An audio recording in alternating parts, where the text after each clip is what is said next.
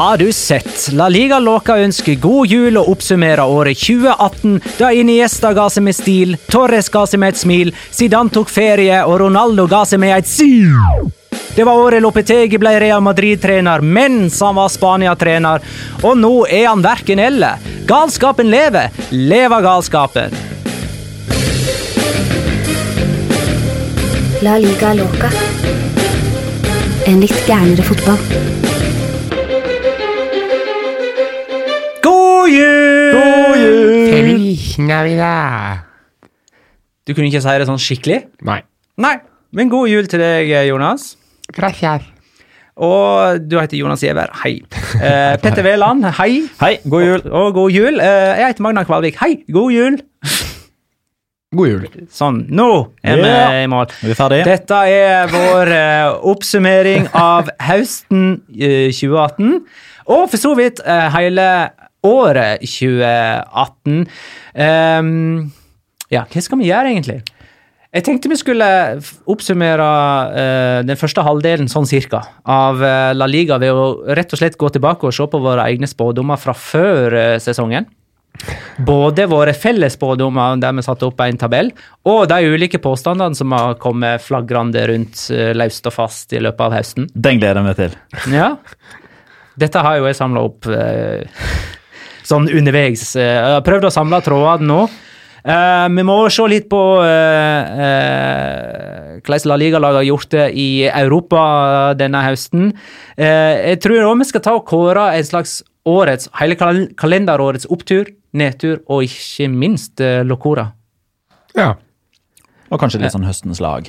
Høstens lag må vi sette sammen. Kjapt og gærlig. Mm. Kjapt Eh, og ærlig. Og, og som, eh, som jeg annonserte i vår forrige ordinære episode, så skal dere få lov til å eh, konkurrere dere imellom i en eh, 2018-quiz jeg har sydd sammen til dere. Oh boy. Så det blir moro? Jo. Spørs på spørsmålene, det. Nei, nei, nei. Det, det blir moro. Det blir moro. Petter, Eh. Pet- Petter sier at det blir moro hvis han vinner. Hvis ikke, så blir det ikke noe gøy. Det er, sånn kan jo jeg også si. Det blir jo ikke noe gøy hvis ikke jeg vinner. Nei, eh, det blir spennende å se hvem av dere som vinner. Jeg er litt usikker på hvordan man skal gjennomføre den quizen nå, når han skal sies, men eh, veien blir til mens man går. Nå har du hatt ei uke siden forrige podkast, Magna. Det burde du ha tenkt over. Klaus G. Lunde har sendt inn til oss. Eh, han lurer på om vi kan komme med en oppdatering på spådommer for eh, trofé og den slags. I La Liga, Copa del Rey, Champions League. Står dere fortsatt på det dere har tippa, eller er det rokeringer? Jeg veit ikke om vi har tippa Copa del Rey og Champions League-mestere. vi har vel, jeg tror vi tippa eller iallfall jeg, eh, Ajax til semifinale i Champions League. Det er vel Nei, altså, jeg har jo sagt City i Champions League. Ja. Oi, oi, oi, det der husker ikke jeg. Sa jeg noe òg? Jeg tror ikke vi har snakka om det på, i podkast, men jeg har sagt det på televisjonen. Men det vi i alle fall har gjort, er å sette sammen en eh, La Liga-tabell. Ja. Eh, Det gjorde vi ganske tidlig i Hvordan vår eh, sesong, i sesongpreviewen. Eh, og da ville Jonas være sprek og lure inn Valencia på toppen Ja, du skulle av eh, begynne der, ja. tabellen. Jeg og Nei, ikke på toppen. Jo, helt på topp ville du ha Nei, det- det Jeg og feil. Petter måtte snakke deg ned. Nei, det er feil. Nå må du slutte å legge ord i munnen på meg. fordi at du hadde det for eksempel eh, Du hadde lyst til å være sprek. Du hadde lyst til å hadde lyst til å ha det på komme andreplass, hadde jeg lyst til å ha Og Petter sa at man kan ikke ha Valencia over Real Madrid på tabellen. Nei, du, dere mente så. Uh, Og vi, og vi skivde dem vi, vi fikk snakka dem ned på en fjerdeplass som en slags kompromiss. ja, til slutt så jeg sa, jeg sa at de skal i hvert fall være topp fire, sa jeg. Ja, i Eh, alle fall. I hvert fall, og det har jeg jo Det, er jo, det står du inne for. det, er, det, er, et- det er et firetall i tabellposisjonen deres per dags dato, og det, så vi tar det vi får. Det er bare at det er ett tall foran som er et problem. Topp fire-tabellen vår er Barcelona, Atletico og Real Madrid. Det er tre, og så Valencia nummer fire. Og så Ja, har vi riktig rekkefølge på, på de, da. og så Sevilla som nummer fem. Ja. Eh, så, men er det den første hva skal man si, kamelen vi må svelge? Valencia? ja. Så, så stirrer du på meg? Eh, Altså, vi, vi kan godt uh, svelge den, men vi gir den til Jonas. Ja. ja, det er jeg som er araber, så jeg har vel en god erfaring med kameler er her. Den andre kamelen vi må svelge, det er Viareal, som dere klarte å snakke opp til en sjetteplass. Hvordan syns du det går, da, Petter? Nei, det får bli kameltåa mi, det, da. Dere? Altså, du er bare fritatt fra alt, du, eller? Jeg? Ja. Eh, ja, jeg, altså, jeg har jo stort sett hatt rett i alt jeg har spådd. Eh, og jeg har jo spådd via real i nedrykksstrid i halvannet år nå, eh, så akkurat den eh, Ja, før eller siden så må vi jo treffe på det, da. Ja, det er sånn, eh, Jeg skrev vel det på Twitter en gang, at eh, jeg har spådd eh, via real i nedrykksstrid, og gir meg ikke før jeg faktisk er der. så vi via av på sjetteplass, da. Ja. Det, Ja, De ligger jo og kaver. Man bommer vel med elleve plasser der i uh, snakkende stund. I talende stund, ja. Men uh, skal ikke de på en måte redde plass? Eller, eller bare redde ansikt, kan man si med Luis Garcia-plasser. Skal ikke de liksom skyte farta opp på øvre halvdel? Jeg vil jo håpe på det for deres del. Altså, det er litt viktig å påpeke da, at fra 17. til den femteplassen vi, eller femte- og sjetteplassen som vi hadde dem på, så har jeg fått til sjetteplass, da. Så er det ikke mer enn ni poeng. Altså, fra 17 til sjette- sjetteplass. Det er jo jevnt eh, som bare rakkeren her, da. Men øh, bevares, de har jo underprestert. Og eh, helt riktig som du påpekte før sesong, de ligger i nedrykksstriden akkurat nå. Det er også da ett poeng til direkte nedrykk. Så det En annen, eh, et annet lagnavn er markert i rødt på den tabellen vi eh, satte opp før eh, sesongen. Det er Atletic Club de Bilbao, som vi hadde som det beste baskiske laget oppe på niendeplass. Ikke så mange poeng som skiller i da. Poeng? Ja, Fra en niendeplass. Nei, ja, ja, det er greit. Hva er Mange posisjoner, ja. Det er mange posisjoner, og det er mange lag å klyve forbi. Heio. Vi så ikke for oss at Berizzo skulle Nevnte ikke noe annet, jeg, Jonas? Nei, jeg har ikke sagt noe annet. jeg. Så ikke for oss at Berizzo skulle få sparken. Nei, det gjorde ikke jeg. Men har du lyst til å komme med en annen eh, En som hadde en spådom om en trener som kom til å få sparken? Har du lyst til å Det, det tar med i de mer individuelle Ja, du gjør det, ja? greiene. Ja, ok. Ja, for jeg Der er Ja, du vil helst uh, Fryktelig sterk på et par av de der! hoppe videre til, til alt det positive du har kommet med. Ja, Det er ikke så mye, så det lille jeg har det skal ikke liksom gå tematisk til verks her. Nei, jeg syns vi skal starte hver episode med fem minutter hvor du opphøyer Jonas til uh, kalifen av alle kalifer, og så eh, kan vi fortsette episoden vår etter det. Fra 2019 så legger jeg, eh, legger jeg det i forslagsboksen vår. Blir selvfølgelig nedstemt eh, veldig brutalt og, og, og ærlig, eh, men prøver igjen til neste år.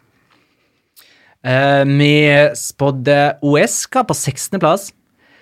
Antagelig i lys av det at Gjorde alle vi det? Ja. I ta, antagelig i lys av at alle sånne Girona sin feil. Ja, og, Og Leganes og Eibar. I lys av det at disse her La Liga-debutantene har sleget så bra fra seg i sin første sesong på det verste nivået. Ja, Men det, eh, akkurat nå så ser det jo veldig stygt ut. så. Det gjør det. det gjør det. Er det, er det en sånn type Jerez som bare var oppe den ene gangen og aldri altså- så ut til å Til, til forskjell fra, fra de, eh, til forskjell fra Cordoba for eh, fire sesonger siden, eller noe sånt, til forskjell fra Malaga og Las Palmas forrige sesong, så syns jeg Uesca av og til faktisk spiller kjempegod fotball. Jeg syns de fortjente tre poeng mot, uh, mot Villarreal eh, for eh, litt over en uke siden. Jeg syns de fortjente poeng mot Real Madrid. Eh, de leda fram til det var overtid mot Retafe. Eh, Den 2-2-utligninga som Levante fikk på bortebane, var veldig kontroversiell. Det var den eh, situasjonen som ble avvinka for offside. Dommer blåste, men allikevel så tok man i bruk VAR. Så jeg synes de har fått fryktelig dårlig betalt. Eh, så det, det ligger et lite potensial der. Jeg tror ikke de er kapable til å beholde plassen og, og gjøre at vi treffer på tipset, men, eh, men jeg, jeg tror ikke de blir hengende sånn 10-15-20 poeng bak. Det tror jeg ikke. Et annet lag vi har fått eh, litt sånn pes eh, utover gjennom høsten for vår eh, tabellplassering, er Español, som vi hadde på nedrykk. Vi Bare vent! 18. plass. Eh, og eh, det kan vi vel egentlig bare stå ved. Ja. Ja da. Står det det? Det, det hjelper ikke å ligge på Kursen Champions. League-plass etter åtte serierunder når det skal spilles, spilles 30 til. Dette går strak av veien. Kursen er god. Vi sitter og dommedagsprofet... Ja, nei, for all del. Jeg synes det er litt gøy når eh, man på en måte har bestemt seg for noe, og så er det noen som slår litt imot, eller går imot eh, forventningene. Eh, gjerne med positive fortegn, selvfølgelig. Så altså, hvis de ender opp med å rykke ned, så ok, da hadde de i hvert fall riktig. Men eh, det hadde vært litt gøy hvis de, hvis de får en sånn ny giv på vårparten igjen, da. I talende stund så har Spanjol tapt fem seriekamper på rad. Men har ikke de egentlig tapt seks seriekamper på rad etter å ha vært på Mandag Metropolitano Det, det tror før jeg vi kan slå fast.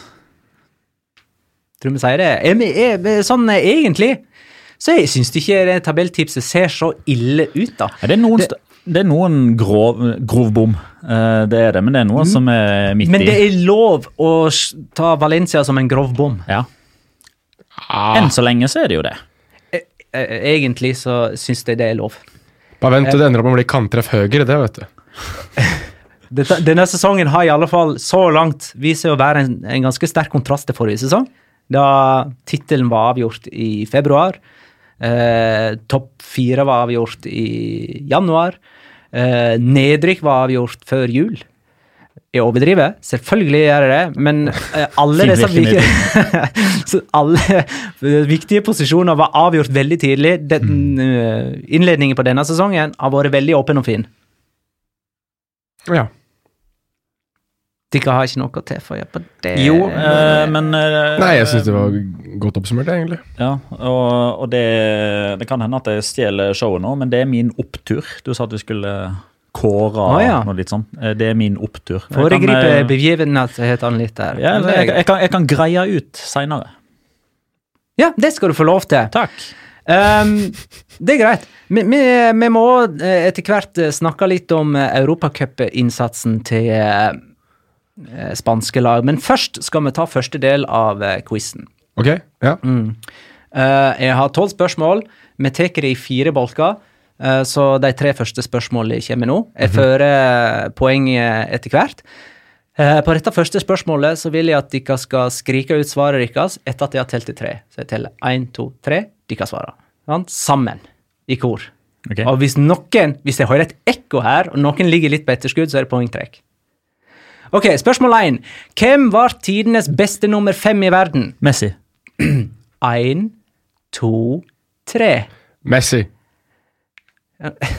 Dere skal si det sammen, men det er greit. Ja, men jeg, du tente jo tre, og så sa Der er jeg som Ja, får. Du, du gjorde det Ja, riktig. jeg diska meg sjøl. Uh, nei, men du får poenget. Det er greit. Hæ?! Du sa jo at han ikke fikk poeng hvis han ikke gjorde det i kor. Nå gjorde jeg det på, på tre. Nei, men det var jo mer i ekkoen, da, at han kommer etter. Skjønte ikke du det? Nei. Hvis jeg teller til tre, og du sier Messi, og så sier han Messi, Messi. etterpå, Ja. det er det ekkoet jeg straffer for. Ja, så man, må, man må jo si det samtidig på tre. Ja, men dette var jo ikke juks av Petter. Det som er juks, det er jo å si svaret etter at den andre har avgitt svar. For å late som at man kan det. Spørsmål nummer to. Alle disse her er altså 2018-relatert. Kalenderåret. Ikke tenk, eh, ikke tenk sesonger. Jeg vet at dere er helt besatt av det sesongmønsteret og ikke klarer å frigjøre dere fra det, men tenk nå. Spørsmål to. Hvem starta dette kalenderåret på tredjeplass i La Liga og avslutta det på nedre halvdel og garantert blir nummer tolv til slutt inneværende sesong? Én, to, tre. Det er null poeng på begge to. Jo, de, når, når, du, når vi sa 2018, så lå det på tredjeplass, og når sesongen var over, så lå det på nedre halvdel. Så 1. januar 2018 så lå det på tredjeplass. Når sesongen var over, så lå det på nedre Nei, halvdel. ikke sesongen var over, når kalenderåret var over. Nå- Det er Valencia. Valencia er Spanias største enten-eller-lag. I 14-15-sesongen ble de nummer fire. De to neste sesongene ble de nummer tolv, og forrige sesong nummer fire igjen. Denne sesongen blir de med andre ord nummer tolv. Altså, Vi er som en obligatorisk kjøpsopsjon. Vi Spørsmål er nummer tre. på sesonger. vi. Hvor mange poeng var det mellom trygg grunn og nedrykksplass i sesongen 17-18? Dere skal få tenke litt. Grann. Nå er det sesongen, ikke sant? Mhm. Det står i spørsmålet. Jeg leste sånn. Ja, bra. Én, to, tre. Åtte. Sju. Begge har feil. Det var 14 poeng mellom lag nummer 17 og 18 forrige sesong. Ingen nedrykkslag klarte å ta 30 poeng, eh, og det har aldri før vært så stor avstand mellom trygg grunn og nedrykksplass. Tusen takk for bidraget, Deportivo la Coruña, Las Palmas og Malaga. Ett poeng til hver. Ja, ja. Europainnsatsen til spanske lag, som vi begynner med Champions League, er ikke det naturlig? Ja, siden vi snakker 2018, altså året 2018, så må vi jo ta Nei, nå, kan vi, nå er vi på sesongen. Altså, jeg- nå, nå detter jeg ut, ja. Sorry. Ah, ok, ta, ta det som du ønsker, da. Nei, men nå må vi bli, bli, bli enige. Nei, quizen er på hele kalenderen. Ok, men ok. Ja, Med, med unntak av det siste spørsmålet, det var sesongbasert. Ja, men det, det er jo i kalenderåret, det òg, liksom. Ja. ja nei, men uh, tre lag er videre, da. Som- Europacup høsten. Ja, tre, lag er videre, tre spanske lag er videre fra eh, Champions League videre til utslagsrundene. Ett har gått til Europaligaen. Jeg synes ehm, Barcelona har, har sett uh, solide ut, synes jeg. Altså de, de, I en veldig vanskelig gruppe med Tottenham og, og Inter og, og PSV, som også har slått bra fra seg. Så synes jeg at de har eh, egentlig bare eh, hatt stålkontroll. Spilt ut, eh, spilt ut Tottenham på Wembley, blant annet. Den kampen som alle sammen snakket om. Eh, og har generelt sett sett ut som en, som en favoritt til å vinne hele sulamitten, synes jeg. Jeg synes, Basert på spill og basert på det jeg har sett av Champions League, som er overraskende mye denne, denne høsten, her, så, så er Barcelona en soleklar favoritt. Jeg har fortsatt tippet Manchester City og står jo på det, men basert på spill så syns jeg Barcelona har vært det beste laget. Jeg synes um, Real Madrid er, har vaklet seg gjennom mange kampene sine. Altså, og så fikk de da Uh, ordentlig juling av uh, Seska Moskva på hjemmebane, uh, altså på Santiago Bernabeu i siste kamp, som jeg synes var veldig veldig fortjent. Basert på spillet deres gjennom hele gruppespillet.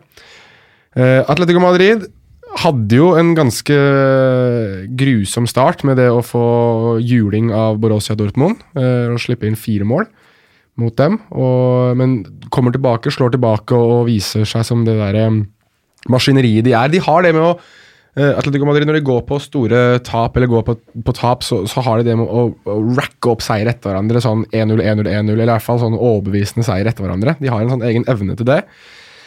Mens, eh, mens Valencia mm, må egentlig sies å være litt uheldige. At, eh, for jeg tror hvis ikke Marwan Fellaini får lov til å dra med seg den ballen uh, videre mot Young Boys, Paul Trafford, United vinner 1-0, så lever jo den gruppa der til siste kamp. Og på Mestalla så ble United rundspilt av, av Valencia. Så hadde, de, hadde det vært 0-0 mot Young Boys, Paul Trafford, så hadde faktisk Valencia vært videre òg. Så jeg syns spanske lag eh, Jeg synes det er meget godkjent, jeg, i eh, Valencia, Valencia blir på en måte det ene obligatoriske spanske laget som skal ryke ut. Altså, Forrige sesong så var jo Sevilla med som det, Da var det Nei, fire Atletico Nei, Madrid. Atletico røyk ut, Atletico da. røyk ut Stemmer det. og Så det, vant Europa League. Så det Valencia Valencia som vinner Europa League denne sesongen, da, og så blir det fem spanske lag i, eh, i Champions League 2019-2020. Så det er jo gøy! Men sånn akkurat nå så ser jo eh, altså det, det, det er ganske store variasjoner da, på de tre lagene som går videre. Altså, eller, bortsett fra Barcelona, kanskje. Atletico som kan tape 4-0 mot Dortmund. eh, Real Madrid som kan tape 3-0 hjemme mot CSKA, sjøl med et, en litt alternativ startoppstilling, kanskje. Men likevel. Det det er vanskelig å vite hvem man har Real Madrid enn akkurat nå. Ja, det er jo det store Vi skal igjen på nedturer. Min jo, har jo litt med Real Madrid å gjøre, men uh, Men det sa vi jo for et år siden òg, på dette tidspunktet her. sånn noenlunde. Da var vi jo litt sånn Ja, ser ikke så bra ut. Og Men de er ikke det like sultne sånn- sultne. Og... Men skal det være sånn nå liksom hver eneste sesong at Real Madrid ikke spiller på høsten, og så bare spiller hele vårparten og vinner Champions League på slutten? ja, Det har vært sånn tre år på rad, da. Eller den ene sesongen så vant de òg La Liga, men eh, liksom sett, sett det før. og det eh, altså når, når Champions League-trekninga er i midten av, av desember, så er det liksom alltid uh, en sånn stor faktor da, om at kampene blir ikke spilt før om to måneder. Kvartfinalene blir ikke spilt før om tre måneder. Semifinalene blir spilt om fire måneder. Altså det, det er enormt mye som kan skje fram til da. Og, og Real Madrid som klubb, selvfølgelig med, med Cristiano Ronaldo som kanskje største bidragsyteren av de alle, har jo vist eh, en forbløffende evne til å prikke toppform. Europaligaen Eh, der er Villarreal, Real Betis, Sevilla og Valencia med. Valencia altså som eh, Kommer fra Europa Kommer fra Champions League. Ja. Eh, er ikke det der egentlig ganske sånn Det er litt sånn oppskriftsmessig, er ikke det det? Det var Villarreal som hadde den megatette gruppa der hele gjengen kunne vel gå videre på siste Ja, det var ganske jevnt i Sevilla sin òg, med unntak av at uh, Arkissespor uh, knapt tok poeng. Altså, de tok sitt Ja. første poeng mot Standard i siste kamp, Uh, Men- men, der kunne tre lag gå videre før siste runde. Men det er jo, det er jo tre eh, spanske lag i Champions League og fire i Europaligaen, og da er vel eh, Spania sterkest representert av alle. Sju av sju, Ja, ikke som, sant? som eneste. Eh, Premier League mista vel Burnley i kvaliken til Mm. Europa League. Mot Olympiakos eller noe sånt, var det ikke det? Ja. Tror jeg. Mhm. Summa summarum, helt greit i Europaligaen. Jeg Ja. syns den er så vanskelig å egentlig summere opp, og, er og ikke minst å spå. Ja, men uh, allikevel, det, det, er liksom, det, det er vanskeligere å kreve noe mer enn at alle tre lagene vinner gruppene sine. Uh, og Betis, som tok Milan Jeg husker den kampen på, på San Siro, var jo, den, var, den var solid, altså. Jeg er fullt klar over at Milan ikke er Milan-Milan lenger, men allikevel. Det er Milan. Det er Milan. Det er faktisk Milan. Og det, Det er ikke Milan, men det er Milan. Og det er San Siro. Er San Siro. San Siro, San Siro. Selv om det var litt flere tomme seter enn eh, det tradisjonelt i gode gamle dager var det. Ja, Milan har jo ikke vært den gode siden De Nilsson spilte i Betes, så det er greit, det. Åh, er det så lenge siden? Neida, neida, de hadde jo gode på 2000-tallet. og Vant, de- vant kan, i du kan si at de har ikke vært gode siden Joaquin var ung. Ja, det er, der bommer man ikke helt heller, altså. Og, så det, det er trist, synes jeg. da. Skal vi kaste en terning på uh, uh, Europacup-høsten, eller? Eh, For min del så blir det fire eller fem. Mm. Og den eh, Det blir ikke fem pga. at Valencia røk ut. Ja, og av at eh, Altså, altså jeg, jeg forventa jo at sju av sju skulle spille uh, Europacup til, til våren, så det er jo litt som som forventa. Hadde, vi- hadde vel kanskje ikke forventa at Valencia skulle ta seg videre, men det er jo en liten nedtur. Men det som gjør at det trekker ned litt, er at jeg syns at eh, Real Madrid har hatt flere fæle kamper. Atletico Madrid ble høvla over av, av Dortmund. Viadial Villarreal og Sevilla kunne jo òg ha røket ut den siste runden. Så det er ikke sånn kjempeoverbevisende, men man, man viser jo igjen at man både kvalitetsmessig og taktisk er gode nok eh, til å eh, til at eh, fem av sju lag da vinner gruppene sine, og alle fortsatt lever. Ble det fire eller fem nå? Ble det fire eller fem nå? På terningen? Fem. Jeg, jeg sier fem. Fem. Hadde, Ja, da blir det fem. hadde vært seks hvis uh, Valencia gikk videre òg. Ja, enig, altså. Enig. Det, uh, det er liksom det nest beste. Ja. Når ett lag ryker ut. Ja, altså, Det, vi kunne jo hatt noen eh, tabelltopper, f.eks. på Atletico Madrid, som egentlig skusla vekk gruppeseieren. på slutten. Mot Klubb Rygge. Mm. Men ellers fornøyd. Eh, om bitte litt nå så skal vi sette sammen høstens lag i La Liga. den har jeg gleda meg til, faktisk. Mm. Men dere skal få bryne dere videre på eh, quizen, som eh, dere ikke forstår noen ting av. Nei. Spørsmål nummer fire. Dette, her, denne, eh, dette er greit å forholde seg til. Dette er relatert til Spania og VM, sant? Som skjedde i kalenderåret 2018. Snakker vi 2014 Ja. nå, eller 2018? Spørsmål nummer fire. Hvor mange redninger hadde David De Gea i VM for Spania i Russland? Én, to, tre. Én. Petter svarer én, Jonas svarer null. Svaret er én Ja, redning. jeg mente husk at det kanskje var én. Ja, ja. Én redning på fire oppe på David De Gea. Det var, jeg, det var en, altså. Spørsmål nummer fem. Spania røk ut av VM i åttedelsfinale etter straffekonk mot vertsnasjonen Russland. Hvem bomma på straffe? Jeg Gi meg litt grann tid, ja. Ja, du skal få litt grann tid. Ja. Jonas er klar? Nei, Nei. vent. Men du sier straffe i eintall? Ja, men må, Det er jo ikke eh, Herregud. Om jeg sier straffe eh, Én den straffe, flere eller? straffer. Eh, For meg er det det samme om det er entall eller flertall.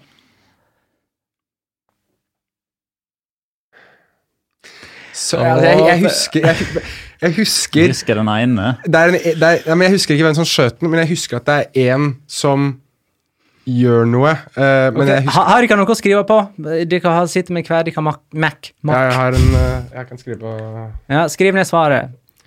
Så Vi tar ikke dette i kor. Okay. Dere skal få skrive det ned, og så skal dere få lese det opp uh, hver for dere. Um, Ti, ni, åtte, sju, Ja, Sett på den sitt boll, da.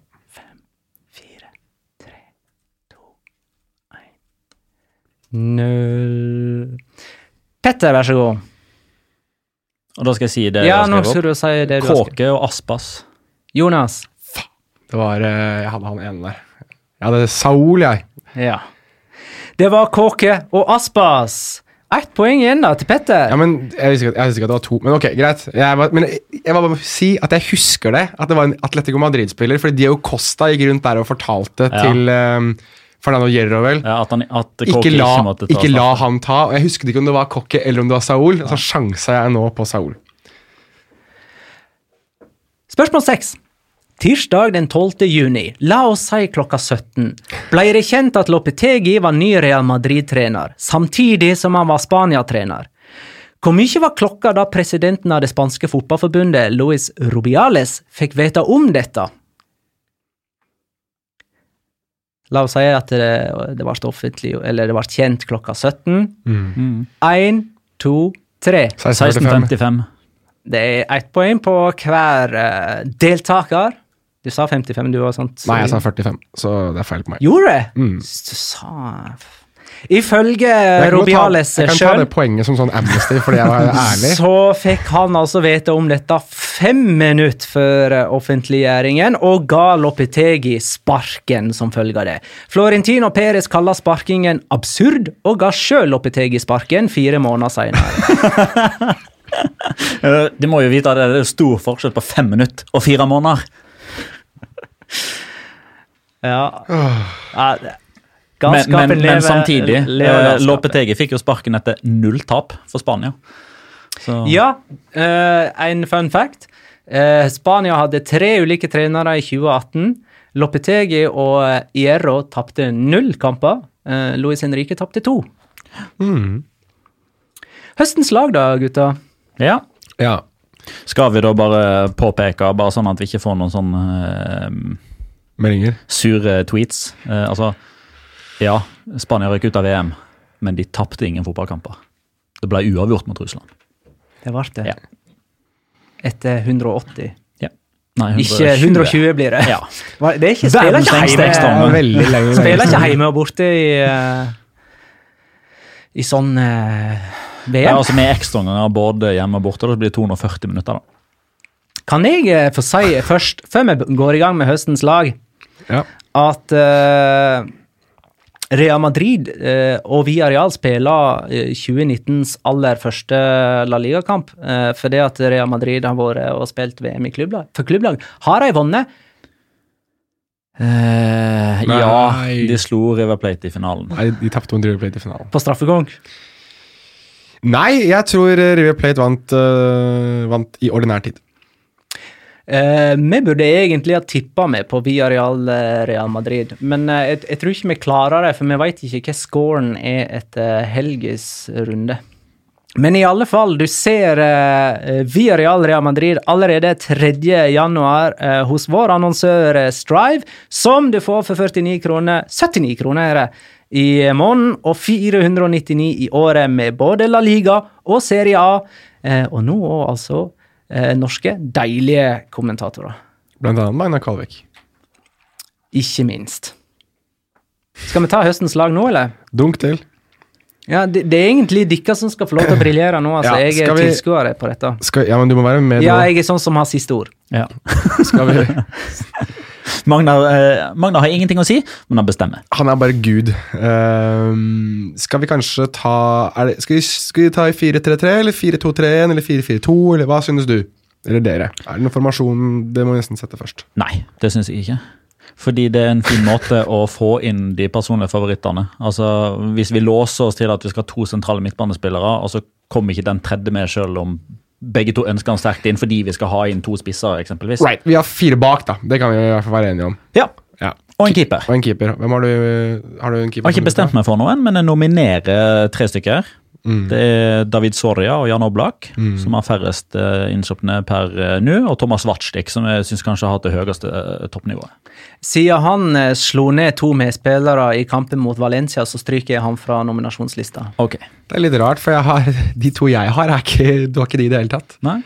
Paul Lopez i eh, Betis. Ja, han spilte seg opp. Det har han. Ja, syns jeg har eh, kommet noe vanvittig bra mot slutten av eh, første halvdel av sesongen. Og hatt noen ekstreme reaksjonsredninger og, og matchavgjørende redninger for Betis' del. Og så synes jeg at uh, Nå er jo han skada, da, men jeg har vært også veldig imponert av Yasin Bono i Girona. Uh, og synes i hvert fall han burde nevnes, da. Jeg vet ikke om han kanskje er helt der oppe, men jeg synes at han lukter på en plass, i hvert fall på en nominasjonsliste. Jeg syns både Jordi Masip og Fernando Pacheco kan også argumenteres inn. Har vi kommet gjennom alle keeperne i La Liga nå snart? Nei, for vi har ikke sagt verken Ter Stegen eller Courtois, som Eller- folk sikkert etterspør. Men nei, de er ikke i nærheten, faktisk. Nei, enig. Skal vi En liten fun fact, bare. Kjør på. Uh, andre keeperen til Betis, altså apropos Paul Lopez, Ja. uh, Joel Robles, Ja han har holdt nullen i seks av sju kamper. Da er det han som skal inn på laget, da. Nei, Men eh, jeg liker Paul Lopez, jeg, altså.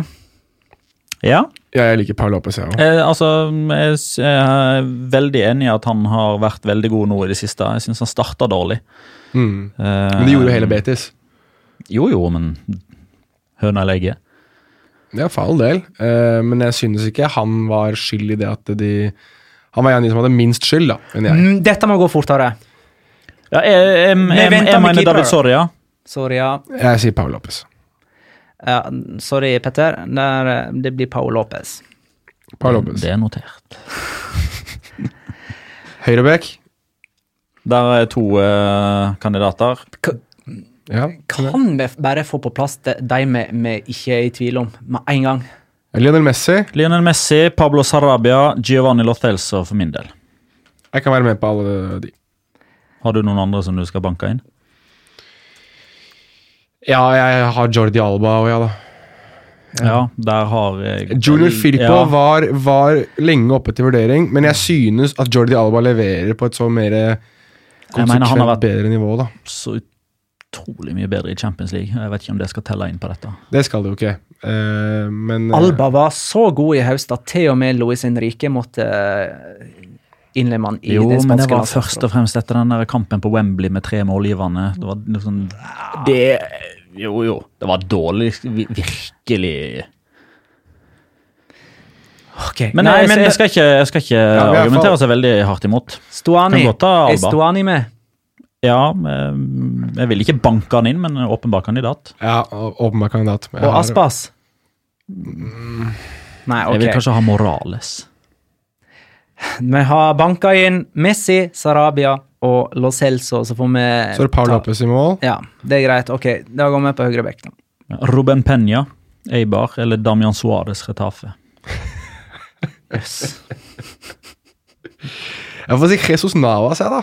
Jeg synes, øh, altså, jeg synes han har vært god òg. At han må i hvert fall nevnes her. Altså, jeg sier, jeg, jeg, det er ikke noe, jeg setter meg ikke på bakbeina på han for hans del overhodet, men jeg synes skal vi snakke om høyrebacker, så må vi nevne han. Jo, men han er jo ikke høyre back. Nei, men Junior Firpo er jo wingback, da. Ja, men han er jo, altså, Junior Firpo er en venstre back som har blitt litt mer offensiv. Jesus Navas er verdens mest offensive høyrekant som nå starter litt lavere i banen. er min innvending. Ja, Du må gjerne ha det som innvending, men på øh, altså, hvordan du setter opp laget, så settes han opp som en wingback. Og Ja. jeg, jeg, sånn som jeg har lært meg fotball, da, så registrerer jeg wingbacker først og fremst som en forsvarer. Som også skal være med opp i angrep, men jeg ser på det som en forlengelse av Forsvaret. Nei, vi må komme i mål. Men vi kan godt, vi kan godt gå for altså jeg, jeg er ikke imot Hvis jeg skal velge mellom Robin Peña og Damian Suárez, så oppriktig vi vet, han er en, Vi vitser mye om ham, men jeg syns Damian Suárez har vært god. Så jeg er ikke, jeg er ikke imot øh, å ha La Ligas lille rasshøl på, på høyrebekken. Da ble det han, gitt. Ja, har vi Jordi Alba da og Damian Suárez? Eller ja. Okay, Ja. ja. Midtstoppere. Der, kan jeg, der er jeg med på han ene du skal ha med. Ja, Calero. Fernando Calero er med på Skåra jo mot uh, Atletico Madrid også. Og er verdens tynneste mann, for øvrig. Han er så tynn han, at uh, innimellom så ser, når han stiller seg i profil, så ser du han ikke. Så tynn er han. Ha-ha-ha. Calero er på plass.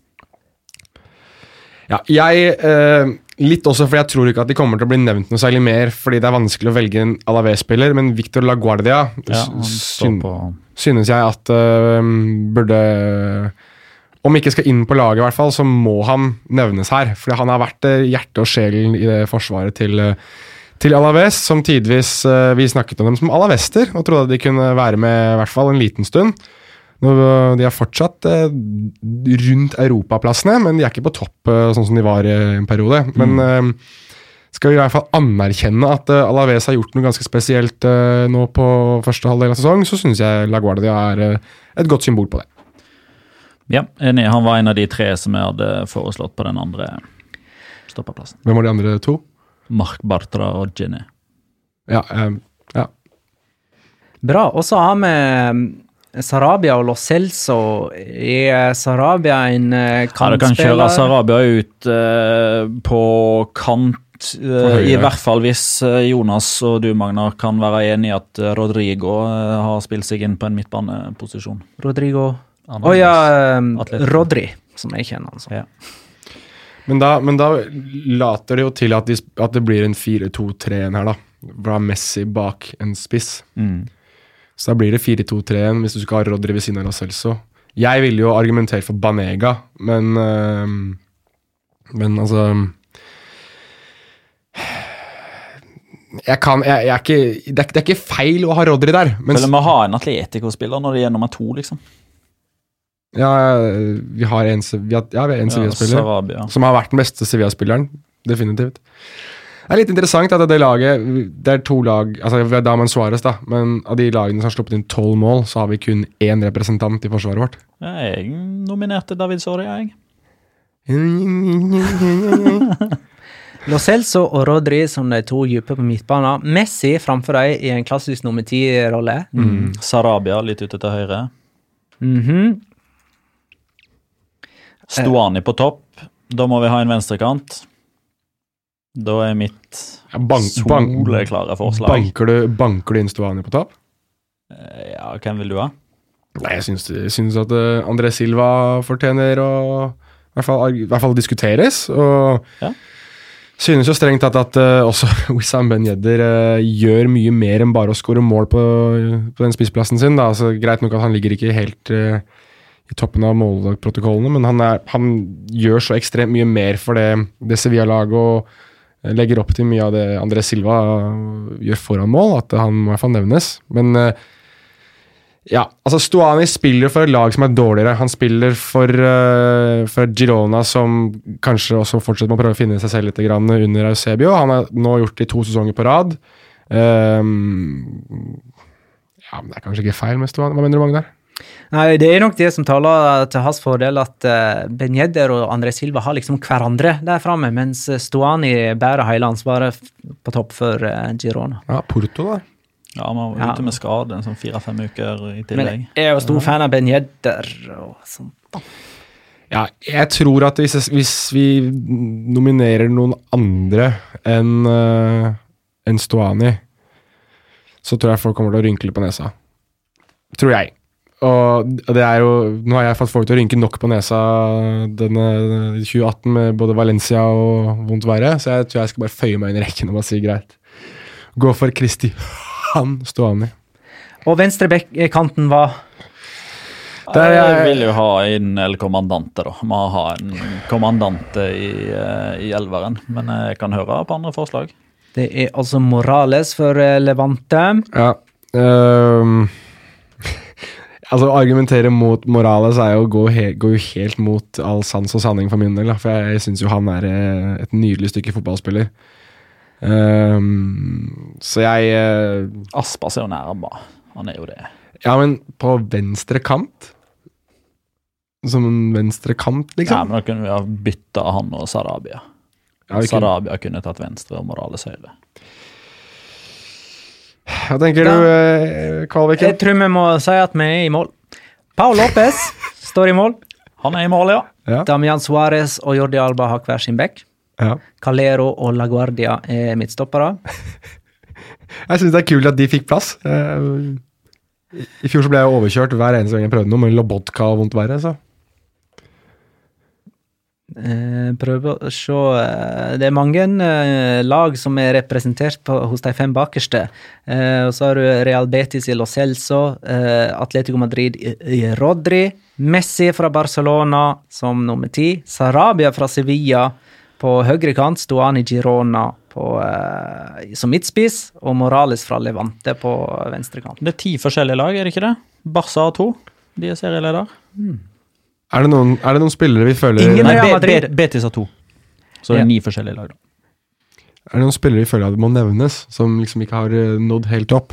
Kanskje greit Vi, vi kan jo eh, for så vidt ta eh, spørsmålet til uh, Obaid Raza. Hvem er den beste signeringen, og hvem er den største floppen? Det kan godt gjøre det. Um, Eh, da sier jeg at den beste signeringen synes syns jeg har vært Thomas Watzlek i Sevilla. Der eh, har de byttet og rokert på keeperne sine et par år med, med Rico Soria. og har egentlig ikke funnet noe sånn kjempegodt svar, men nå, nå føler jeg at de sitter med fasiten i, i hånda for en gangs skyld, med, med Watzlik, som har eh, kommet inn og, og hamret gjennom eh, gode prestasjon på god prestasjon, og har vel hamret uh, håndleddet sitt i kjevepartiet på folk også, men har blitt en figur, da. Altså, han har en form for aura nå. og synes det er, eh, det er noe litt kult med, med, med han bakerst der for, um, for Sevilla. Så, så jeg går for, eh, går for Thomas Watzlick som mm. den beste signeringen så langt. Det er et godt forslag. Um, jeg synes uh, altså Den sentrale midtbaneduoen som vi hadde på årets lag, er jo begge nye. Ja. Så jeg synes de, de har gjort en kanoninnsats. Giovanni Lo Celso er vel bare på lån foreløpig. Rodrigo ble henta for 20 millioner euro. Det virker som et varp. Mm -hmm. han har jo gått inn og tatt den Gabi-rollen og egentlig bare gjort det enda litt bedre, syns jeg. Men um, Vatslik er kjempeforslag. Tenkte litt på André Silva òg, men han er jo signert bare på lån, da, med en opsjon, riktignok. Er, den- er den obligatorisk? Nei, Nei. men de har, valgt, de har allerede valgt, og eh, de har allerede i budsjettet Milan at de 36 millioner euroene de Kan- skal de få. Men har de gjort det? Ikke sånn offisielt, men Caparossa har vært ute og sagt det tre-fire ganger. Er det en ny Men, eh, rekord, da? Lo Celso, da. Yes. Ja, det er en opsjon der òg, på ca. 30. Men en av de beste signeringene. Ja, Ja, ja, jeg sa jo det. Ja, du gjorde det, ja. Ja. Sorry. Hvis du skal nevne åpenbaring, sånn at vi skal ha det, hvis vi skulle hatt en, en spiller som har vært en form for åpenbaring, så eh, stiller Giovanni Lo Celso seg veldig sterkt hos meg. Sånn spiller som du du har visst har at det har vært noe, ja, sitt, liksom. det har vært Mm. noe der, men hva har liksom det egentlig vært, da? Og nå bare ser vi at det, det øser ut. Flopp. Lemar. Ja, Flop, den er fin. Flopp signering. Ja. Lemar i Atletico. Lemar er høyt der oppe. Mariano. I, Mariano Diaz i Real Madrid Ja. må jo nevnes. Venicius. Du veit hvorfor jeg sier det. Det er bare tull. Ok, ja, jeg var ikke helt sikker på om du mente Ja, så kan jo altså Gud og mann i Valencia er jo, er jo en flopp. Altså, Batshuay er jo Ja. vet ikke at det er lån, men det er krise. Uh, Gameiro syns jeg heller ikke har vært noe god. Um, han er jo signert nå, da, men han var jo i fjor òg. Men Geders har heller ikke vært noe god. Så der har de faktisk brukt penger på å hente ham nå. Det er jo en flopp. Skade òg. Han spilte mye med skade i høst. Jo da, Nå er han jo ute. for, for all del. Mikkel Merino har jeg blitt skuffa over i Real Sociedad. Men det er klart, når, når Lemar koster 75 og bidrar med så lite målpoeng som han har gjort nå i høst, så Theo Hernandez også syns jeg har vært uh, skuffende i uh, ja, veldig opp og ned. Real Sociedad. Eh, apropos spillere som ikke er med på vårt høstens lag, så kanskje hadde jeg bobla Canales, hvis eh, Ja. Uh, For å nevne noe vi uh, ikke har nevnt. Bublere. det. Eh, bublere. Mm. Det er lenge siden jeg har brukt det begrepet der. Vi brukte det en stund i Det var uh, er vel en grunn til det, da. Bublere. Ok, vi eh, må ta mer quiz, gutter. gutta. Ja, kjør. Mm. Eh, og så Jeg må se Én, to, tre, fire. Jeg kommer til fire inn etter Petter. Fikk han to poeng på Jago Aspas og Kokke? Nei. Jeg fikk én i den første bolken, og så fikk jeg vel tre av tre på den andre bolken. Ja. Mm. Nei, det, Du fikk inn i den første bolken. Eh, Fortsatt sjanse her, eh, Jonas. nei, det er det ikke. Spørsmål nummer sju. André sine gjester ga seg i Barcelona og avslutta karrieren i Catalonia med å vinne sitt Copa del Rey-trofé nummer seks og sin La Liga-tittel nummer én, to, tre. Ni. Ni er riktig, som Petter eh, sier. Sånn som det her er jeg helt sjanseløs på. Jeg husker jo ikke hvor mange de har vunnet av hver. Det er null håp. Så hvis det er mer av det, så uh, skal jeg sitte og skyte ut Å, uh, det kommer mye mer av det, Jonas. Spørsmål nummer åtte. Fernando Torres forlot spansk fotball og runda av med å vinne Europaligaen. Hva var den eneste tittelen han hadde vunnet med Atletico fra før? Ja. Én, to, tre. Segunda. Segunda. Riktig på begge! Han vant Segunda Jøss, jeg fikk et poeng! i 0102. Hvordan ser Segunda-trofeet ut, egentlig? Er på. Står på Wikipedia. Kunne ikke du spurt noe sånn hvilken klubb spiller Andres Niesta for nå? I Wissel KB. Hvor spiller uh, Fernando Torres for? Sagan. Tosu. Spørsmål nummer ni. 2018 var òg året Cristiano Ronaldo ga seg som La Liga-spiller. I løpet av sine ni sesonger i Real Madrid vant han Champions League dobbelt så mange ganger som La Liga, fire mot to. I hvor mange av hans ni La Liga-sesonger skåret han 25 mål eller mer? Én, to, tre. Åtte. Ja. Feil på begge, han skåra de i alle sine ni. Han var på den første òg, ja. Rakk han det akkurat da, eller? Det er mulig han hadde 26 i den første sesongen. ja. Ok, jeg trodde, jeg trodde Jeg han trodde han hadde 23. Nei, jeg trodde han var under 25 i hvert fall. Vent litt. Er det med eller uten den der PP-skåringa? Oi, oi, oi. oi. Hvis det var 26, så er det fortsatt 25. Det har du helt rett i. Men eh, jeg benytter enhver anledning til å hunse alle de som gir den skåringa til Cristiano Hva tenker du om den skåringa til Er det Lu Lionel Messi som har en skåring nå som ikke skulle vært hans skåring? Som er Nei, registrert? eh, Luis Suárez. Er det Suárez. Som har det? Ja, den med når eh, det er Piqué sin. Nei, den med Diego Lopez eh, mot uh, Español. Ja, Luis Suárez har to sånne, han, som han har fått. Det er ikke rart han har flott statistikk. Piqué skårer hjemme mot uh, Alaves. Med sjølmål av Diego Lopez. Altså, det, det akkurat det samme som Venicius Junior sitt skudd mot Valladolid. Det hadde ikke blitt skåring hvis ikke motspillerne hadde vært borti ballen. Da er det sjølmål. Det er den enkleste tingen i verden. To pluss to er fire. Det er vanskeligere. Oh, vi lo. Og vi lo! Den er grei. Nå, eh, nå går vi rett og slett på eh, kalenderårkåringa. Årets opptur for 2018, årets nedtur 2018 og årets Locora 2018.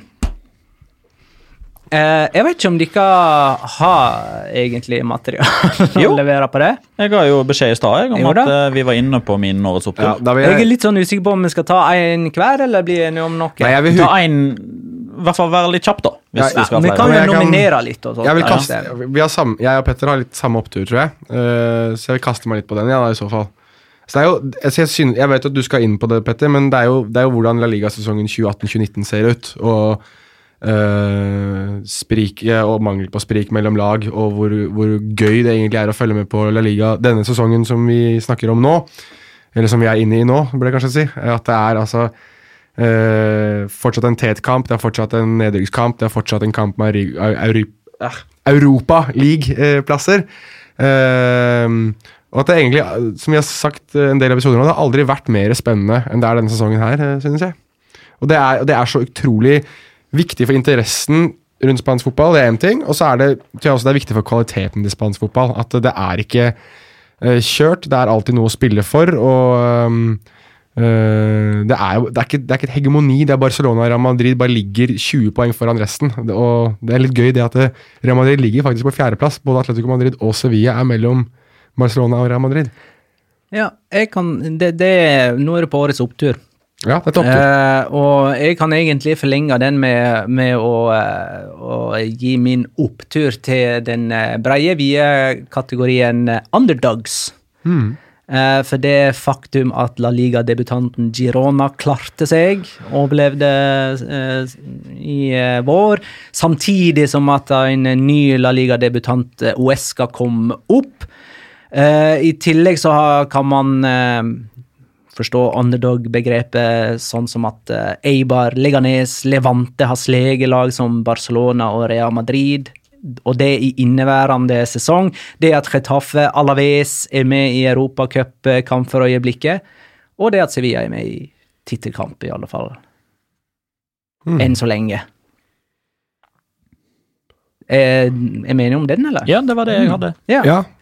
Tok vi alt, tok vi alt det Odd nå? Jeg tror det, egentlig eh, årets nedtur er ganske opplagt òg, jeg. Eller mm, Petter? Nei, den er ikke Nei, men altså, når vi snakka jo litt i, i forkant, så i og med at du har den, så tok ikke jeg den. Å ja, du valgte den, ja. Eh, Jeg har valgt en annen kategori, egentlig. Eller kategori er jo for så vidt riktig, for det er årets nedtur. Eh, For min del så har jeg valgt den spilleren som har skuffa meg mest, eller ikke stått til forventningene i det hele tatt. Det er Gonzalo Geders. Herregud, så gøy vi hadde det med han i 2017. Herregud, så lite gøy vi har hatt det med han i 2018. Skad, altså, spilt med skade. Han avslutter året med krykker eh, etter operasjon. Eh, ikke skåra et eneste mål i, i høst. Han spiller på det laget som har skuffa oss eh, mest, antageligvis, denne høsten. Ut av Champions League uten å bidra med, med noe som helst, egentlig. Og den, den 17-18-sesongen han hadde, var veldig bra, sånn eh, totalt sett. Han var hysterisk bra på høsten og helt ok på våren. Så 2018 er hans. Eh, skuffende var han i VM òg. Så for min del så er det Gonzalo Gedes. Mm.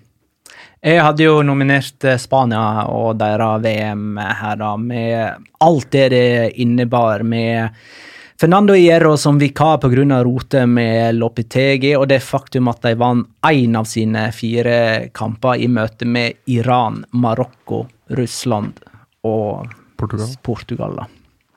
Så greit nok, de tapte ikke, men de vant ikke mer enn én kamp heller, og det var mot Iran. Ja, jeg får ta min, min uh, nedtur, da, er uh, i forlengelse av det du hadde. Julian Lopetegi. Uh, fordi jeg tror ikke jeg kan komme på, i farta i hvert fall, da, et mesterskap der Spania har gått inn hvor de har vært mer altså, så store favoritter i, i den grad de, de hadde alle resultatene på sin side, hadde møtt storlag på storlag, hadde spilt ut Argentina blant annet, og, og um, det så så bra ut, da. Altså, alle spillerne spilte altså, fløyelsmyk fotball under ham, og gruppa lå, lå godt til rette for dem, og veien til eh, finalen var liksom allerede spikra for, eh, for Spania. Og så er det dager før, eller dagen før VM sparkes i gang, to dager før Spanias kamp, så s- altså starter tidenes, og da snakker jeg tidenes suppe i spansk fotball. Med Real Madrid og sparking og Hierro inn og Julen Lopetegi som griner og ikke griner og presenteres, og si, presenteres på Santiago Bernabeu og sier at det er den største dagen i hans fotballiv. og Dagen før hadde vært tidenes verste dag. Og, altså det, og så tenker du jo da, eh, fordi Real Madrid på det tidspunktet her hadde vært på en sånn jakt gjennom alle trenere i hele Europa, virket det nesten som. da, Pochettino og Conte var kobla, og eh, det var ikke måte på hvilke trenernavn som ikke var nevnt. da. Og så ender de på Lopetegi, som allerede kommer da med et dårlig rykte, allerede kommer med masse å motbevise. Og så leverer du en veldig positiv start. Eh, man tenker at at her har Real Madrid virkelig gjort et varp. Og så, etter seriekamp av da, 3-4, så er det bånn i bøtta. Og det er så dårlig, og det er så kjedelig, og det er så blodfattig, og det er åpenbart at det spillere ikke synes det er noe gøy å spille under Lopetegi. Og det er åpenbart at mannen som nesten skakkjørte FC Porto, er, er i gang igjen. Og mangel på spillesigneringer av høyt kaliber er kanskje med på dette. Mangel på en plan B er kanskje med på dette. Men Julian Lopetegi blir for meg stående som den største skuffelsen i hele 2018. Bra. Da har vi bare Locoraen igjen. Det, vi klarer å skille Locora fra nedtur og opptur, er ikke vi? Jo da, Jeg kan ta min Locora, jeg. kjør. Min Lokora Locora for 2018 går til det evige maset om en La Liga-kamp i Miami. Der eh, La Liga-president Tebas insisterte på at det ville være perfekt for merkevarer eller produktet La Liga, som eh, ville erobre hele Nord-Amerika med en kamp i eksotiske Florida. Det spanske fotballforbundets sjef Rubiales sa nei, man kan ikke spille en spansk ligakamp utenfor spanske grenser. Fifa sa nei, man kan ikke spille en spansk ligakamp utenfor spanske grenser. Teba sa jo, jo, klart vi kan spille en spansk ligakamp i Miami. Barcelona skal møte Girona der i januar. Barcelona sa hvis ikke de kan snart bli enige, så vil ikke vi spille en spansk ligakamp utenfor spanske grenser. Eh, og så vidt jeg har skjønt, så har ikke Tebas kasta inn håndkleet en gang for alle i denne saken, men Girona-Barcelona går på Montelivi i Catalonia i januar. Håndkleet er kasta. Jo, men han vil vel eh, Konseptet med å flytte Konseptet lever. Det, det lever. Han, har- han kasta inn håndkleet på den kampen. Ja. Men uh, veit vi helt sikkert at det ikke blir noen La Liga-kamper på annen Nei, de, de, de, denne sesongen? Ja, de prøver neste, neste sesong. Neste sesong. 2019-2020 prøver de igjen. Der ser du. Uh, For øvrig en, en anbefaling. Uh, vå- Våre engelskspråklige venner, uh, Kitcho Malidis og Sidlow, de har jo en, um, en podcast, The Spanish Football Podcast, som kom med en, eh, en episode i Det er vel noe ca. to uker siden. Der er Director of Communication i La Liga. Jeg Jeg Ja, husker ikke navnet på hans, men en nederlender. Han er på besøk der og snakker bl.a. om La Liga sitt eh, forsøk på å bringe eh, Girona Barcelona til Miami, der de forklarer sitt ståsted. Jeg syns det var litt interessant. Mm. Anbefaling.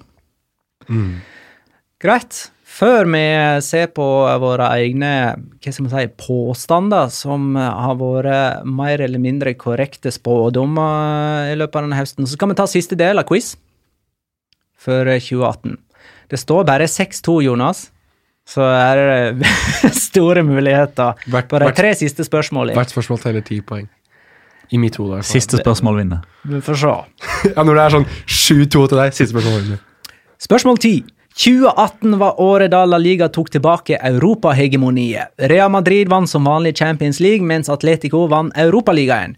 Hvilken nasjon hadde fått låne et europacuptrofé i mellomtiden? Én, to, tre. England. Riktig! Eh, Manchester United vant Europaligaen i 2017. Den kampen var jeg på. Eh, ja, der jeg slo Ajax. Ajax. Den ble spilt, eh, ble spilt i Sverige, den. Mm. Stockholm på Friends Arena. Det var jo, eh, det var jo eh, forrige sesong, det, da. Nei, eh, hvordan ble det det? Det var Grunnen til at Sevilla ikke vant Europaligaen det året, var at de gikk videre i Champions League. Sånn var det. Stemmer. Og Celta, John Gudetti hadde ikke lang nok fot til å sende Celta til finalen. Eller stemmer det? Blanda jeg nå? Nei, det er helt riktig. Nei, det er- du Nei, de slo jo United i Champions League. Ja da. De gjorde det nå i 2018, men i 2017 så var det jo, røk de vel ut i gruppespillet. Nei, de nei, de gikk videre, så tapte de mot Leicester. Ja, Sånn stemmer. det. San Paoli mot eh, Der var jeg! På King Power Stadium. Sånn Craig. Shakespeare, som var treneren til uh, Spørsmål Leicester. 11. Zinedine Zidane ga seg som Real Madrid-trener like før sommeren. Hvor mange Champions League-trofé vant han som Real Madrid-trener? Én, to, tre. Fire. Fordi han vant en som assistenttrener òg. Petter har nok rett. Han vant tre fordi at eh, Spørsmålet er jo Real Madrid-trener. Ja, men jeg tenkte at det var det samme som at du hadde hvem hadde bommet på straffespark. så tenkte jeg at skal være eh, grei med det, Jonas, og gi ett poeng. For at han var assistenttrener under Carlo Ancelotti ja, i han, 2014. vant, han vant jo som en trener da. Det er greit. Men som eh, hoved... Du får ett poeng. Ja, okay. Som hovedtrener vant han tre Champions League-trofé på to og en halv sesong. Ja, hadde du sagt hovedtrener, så hadde jeg vært med deg. Ja, Siden jeg ikke sa det, så skal du få han. Petter har feil. Det er riktig. Nei, han får nok eh, rett, han òg. Men eh, her er det fem poeng å vinne på. Siste spørsmål, eh, Jonas. Vi er ikke sånn fem poeng bak allerede. Kan, jo, du kan hente han på eh, Kan ikke det? Ikke det sju 7-3 eller noe sånt. da, 7-2. Jeg vet ikke. åtte, åtte fire, tror jeg. Ja. Petter leder i hvert fall. Tolv. Hva Og her er det den som kommer nærmest, som eh, får poenget. Fem poeng, da. Hvor mange ganger skifta La Liga-lag trener i løpet av 2018? Altså hele kalenderåret. Det er 23 lag. Tre som gikk ned, og tre som kom opp. Eh, Dere skal få tenke i ti. Men, men her må jeg stille Vikartrenere er inkludert. Ja, men eh, når blir man regna som et La Liga-lag? Eh, de som har vært La Liga-lag i løpet av 2018. Ok, men, men hvis man bytter trener da man var segundalag Nei, det kan ikke telle, vel. Nei, så lenge de har vært La Liga-lag, eller klare for La Liga. Ok, så Robi er ikke en del av dette her. Jo, Han, han er Jo, for de hadde, de hadde rykka opp. Ja, men ny, ny sesongen starter 1. Roby juli. er inkludert! Én, to, tre! Ti. 13. La Liga-lag skifta trener 20 ganger i løpet av 2018. Sju lag skifta trener to ganger. Real Madrid, Celta Vigo, Uesca, Sevilla, Atletic, Real Sociedad og Español med vikartrener. Ja, 13 lag, da, og så 20 trenere. 20 ganger, men 13 lag. Eh, Hæ? Det går sikkert an å eh, hva, var- hva var det du sa? 13? 14? 13? Du sa 7? 10. 10? Ja, men da er det jo Petter som eh, får Ja, poenget. Og, og da, da vil ikke han eh, kontrollsjekke dette her og arrestere meg, for det er jo sikkert ikke helt presist med 20. Liksom. Jo, vi har hatt det ganske moro med noen eh, påstander i løpet av eh, høsten. Jeg har lyst til at vi skal ta noen av dem, i alle fall. Eh, la oss begynne med Jonas. Da sitter vi her en halvtime, tre kvarter til da, gutta. 13 i 8. Er dette previewen? Det må det jo være. Det høres sånn ut, ja. Dette er Luis Suárez sin siste sesong i toppsjiktet av midtspisser. Den er litt uh, Så det er tricky. den, den er vanskelig å etterprøve. Men det blir morsomt i lys av den neste påstanden som kom 3. september. Dette i sesongen Benzema viser seg å være verdens beste nummer ni. Sa jeg det? Deretter så ble vi jo bedt om å spå hvem av Benzema og Suárez som Ja, kom til å skåre flest eh, mål denne sesongen. Det sier Suárez. Det tror jeg du òg gjorde, Petter. Ja, det er, skulle, skulle jeg være kjerringa mot strømmen litt, da. Men eh, det er jo bom. Da satt du på et hotellrom i Istanbul, Jonas. Husker du det? Det husker jeg. Det husker jeg veldig godt. Stemmer det. Jonas, 13. august. Eh, Var mye i den episoden der. altså eh, previewen. Ja, det var jo pre-episoden, da. Før sesongen var i gang. Lopetegi sitter ikke ut sesongen som Real Madrid-trener. Den er sterk. Sweetness, Jonas. Du skal få den. Altså, en, sto en stoppet klokke er riktig to ganger om dagen, altså. Hæ? En stoppet klokke har Ja. riktig tidspunkt, viser riktig tidspunkt to ganger om dagen. Mm. Noen klokker har sågar bare riktig én gang om dagen. Ja. Eh, Petter, 13. i 8. Dette er jo eh, fortsatt preview. eh, Mye preview. Jeg trodde det bare var Jonas du noterte, jeg. Nei da.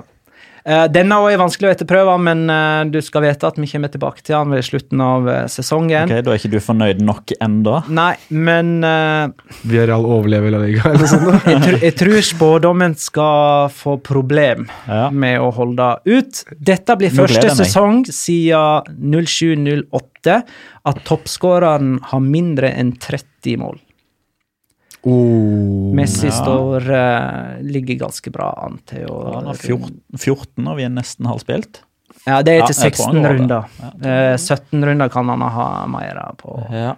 Så uh, ber vi om et lite håndbrudd uh, i 2019 òg. Så kan det gå. Sprekt. Og få henge litt med Evi Banega. Jeg hører han er god til å brekke seg selv på en eller annen måte. Håndbrekk? Oi! Er det noe sånn klinging med glass her nå? Nei, vi trenger ikke det. Nei, men det var alt jeg hadde. Hadde ikke du, har ikke du noen påstander? Nei. Han bare stiller gode spørsmål og kommer med fine innskudd, og er den eneste som får lov til å nominere årets Locora. Ja, eh, hadde dere ikke flere? Ja, jeg har, jeg har Ja, satt du til og med ramsa den opp. Nei, den er så lang. Hun har ikke tid. Jo da.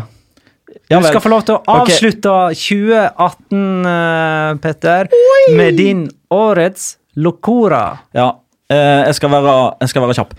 Eh, det handler om eh, ei greie i Spania som heter El Gaffe de Roncero. Eh, Thomas Roncero er jo en eh, i hermetegn journalist eh, slash klovn som eh, skriver for AS og sitter på El Chiringuito iblant. Bare til lytteren.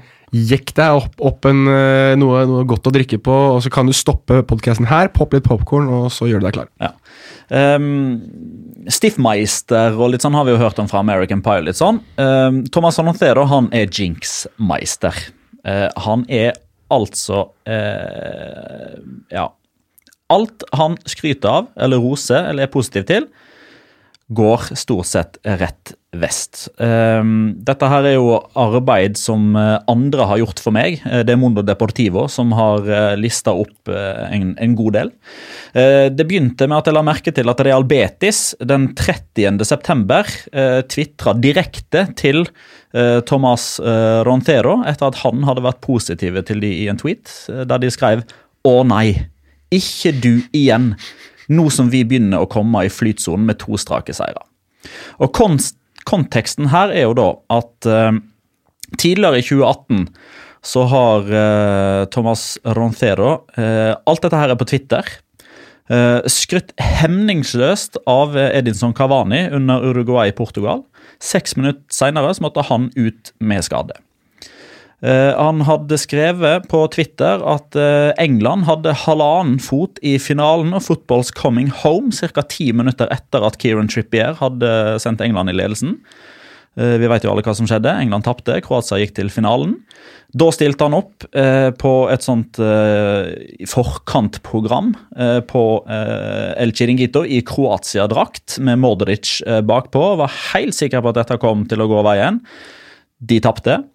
Uh, Fuenlabrada uh, spilte playoff på vei uh, opp i, i Segunda. det var den eneste Segunda playoff-kampen Roncero tok seg bryet å tvitra om. Han bor like ved Fuenlabrada. Han skrev at han håpte Fuenlabrada vant, og på notification, altså svarene på tweeten der er ja, ja, det var gøy så lenge det varte. Alle skjønte at da kom Fuenlabrada ikke til å rykke opp. Det gjorde de ikke.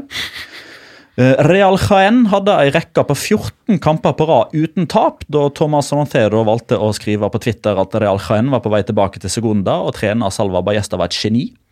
Deretter så kom det tre strake tap, og Salva Bajesta fikk fyken. Venicius Junior eh, skåra på et vakkert frispark eh, for Castilla borte mot Celta eh, Vigo sitt B-lag.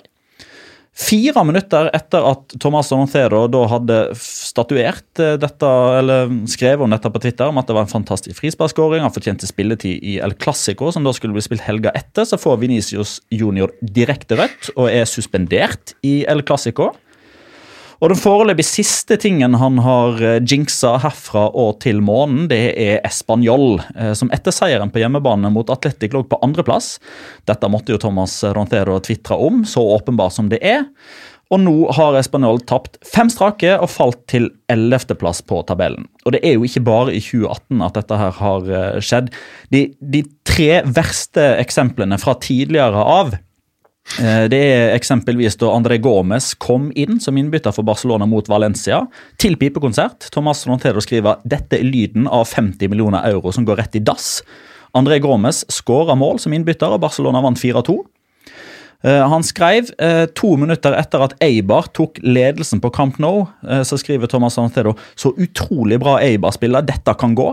Ett minutt etterpå så skåra Messi, kampen endte 6-1. Rafael Nadal spilte kvartfinale i Australian Open. Eh, vant nettopp da et tiebreak i den kampen. Eh, Thomas Roncero sikker på at dette kommer til å gå hele veien for Rafael Nadal. Bang! Fem minutter senere så er det muskelskade på Nadal som må trekke seg.